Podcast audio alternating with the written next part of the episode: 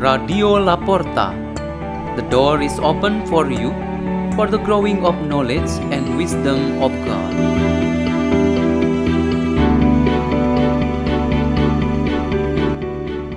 Delivered by Advent Marsha from the Church of Santa Maria Ratu, Block E, Jakarta, Indonesia.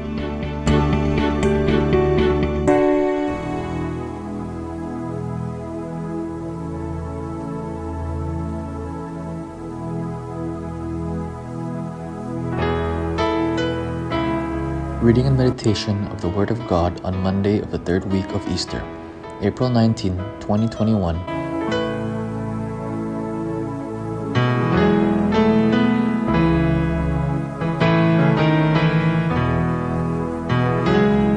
The reading is taken from the Holy Gospel according to John.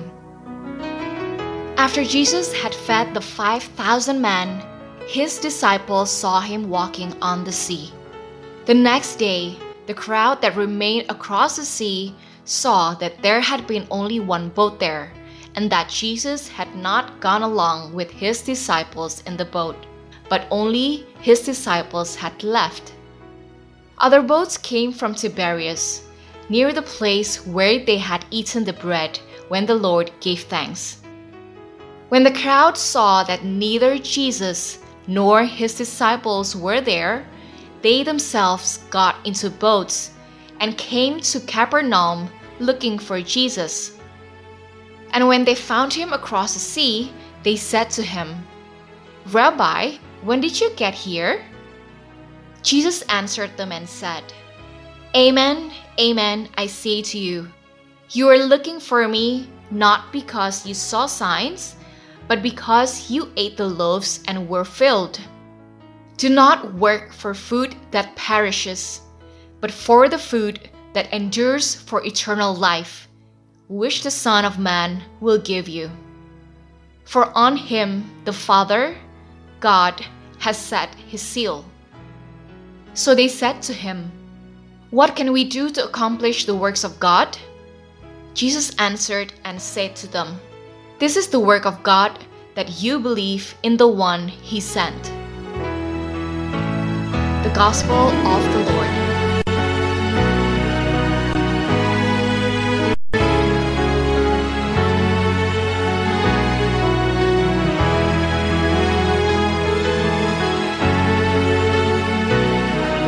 Our meditation today has a theme Faith Works Really Powerful.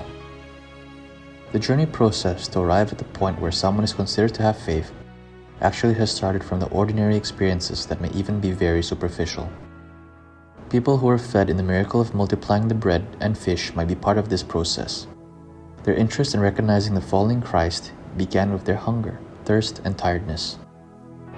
It is a good process when those bodily motivations eventually become spiritual and arrive at the reality of true faith. Such process is usually full of challenges and difficulties.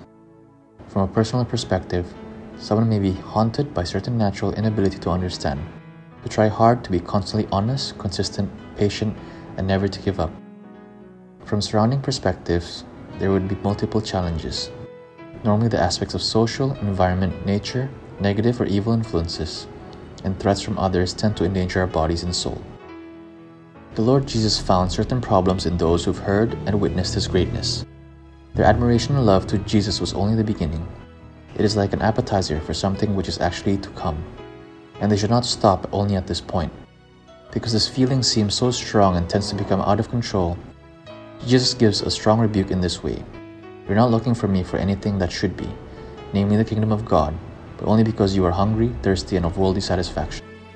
This strong rebuke also corrects the attitude of our faith at this moment. It may be true that our practice of faith is only seen as merely temporary, worldly affair. Maybe our lives are only superficial.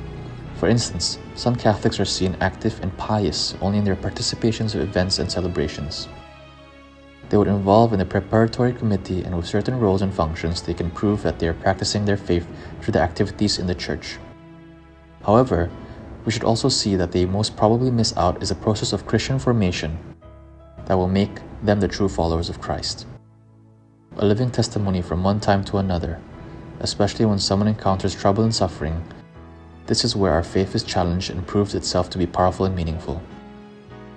The deacon Saint Stephen from the early church of Jerusalem should be an example for us of how faith is terribly challenged or tested through the difficult and frightening conditions. He had gone through a true learning process as a genuine disciple of Christ. In a particular moment, his life testimony really showed that he stood on the basis of true goodness of Jesus Christ that transformed his own life, the environment of the world. Faith is said powerful when it works for such change. Let us pray. In the name of the Father, Son, and the Holy Spirit. O Lord Jesus Christ, make us your disciples to live out a true and sincere faith. Hail Mary, full of grace, the Lord is with thee. Blessed art thou amongst women, and blessed is the fruit of thy womb, Jesus. Holy Mary, Mother of God, pray for us sinners, now and at the hour of our death. Amen. In the name of the Father, Son, and the Holy Spirit. Radio La Porta. The door is open for you.